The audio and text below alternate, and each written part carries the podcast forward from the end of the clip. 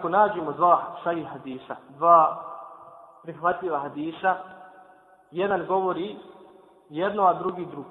Kako ćemo naći spoj kompromis? Kako ćemo naći spoj kompromis između ova dva hadisa? Znači imamo dva kontradiktorna hadisa. Jedan, oba, oba dva su sahih, ali su kontradiktorni značenje. Kako ćemo postupiti? Često se to dešava, recimo, kod ljudi koji čitaju hadijske zbirke samo, od običnog svijeta, čita i nađe neki hadis u Sahih Bukhari i kaže, i postupa tako. Postupa po njemu, kaže, ja sam našao u Sahih Bukhari, tamo sve Sahih hadisi.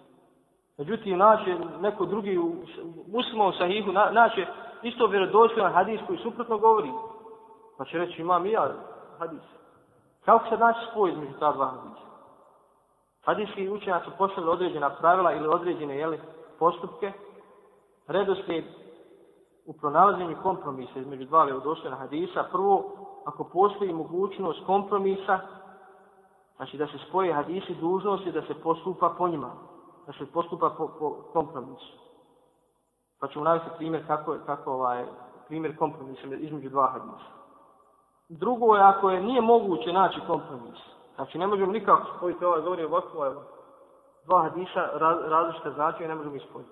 Nije ne moguće naći kompromis, onda ćemo postupiti na sljedeći način, da vidimo da li je neki od hadisa derogiran. Možda je neki od hadisa derogiran. Zato je opasno da se, da se fik uzima iz hadijskih zbirki. Ne može čovjek uzeti sahih Bukhari i ući tamo fik te propise. Nemoguće. Jer postoje hadis koji je derogiran postoje hadis koji, jeli, koji su kontradiktorni, kako to spojiti? Međutim, ako nije nijedan derogiran, govorit ćemo o derogaciji, spominjat ćemo poslije, ako nije nijedan derogiran hadisa, onda ćemo e, pokušati izvršiti terđih, to se kaže naravno terđih, to je da preovladava jedan od hadisa, da očinimo jedan hadis kao preovladavajući, da je znači jači od ovog, od ovog prvog. A hadis učenjaci navode oko 50 načina terđiha. Oko 50 načina na kojih možemo doći do zaključka da je jedan od hadisa jači od drugog.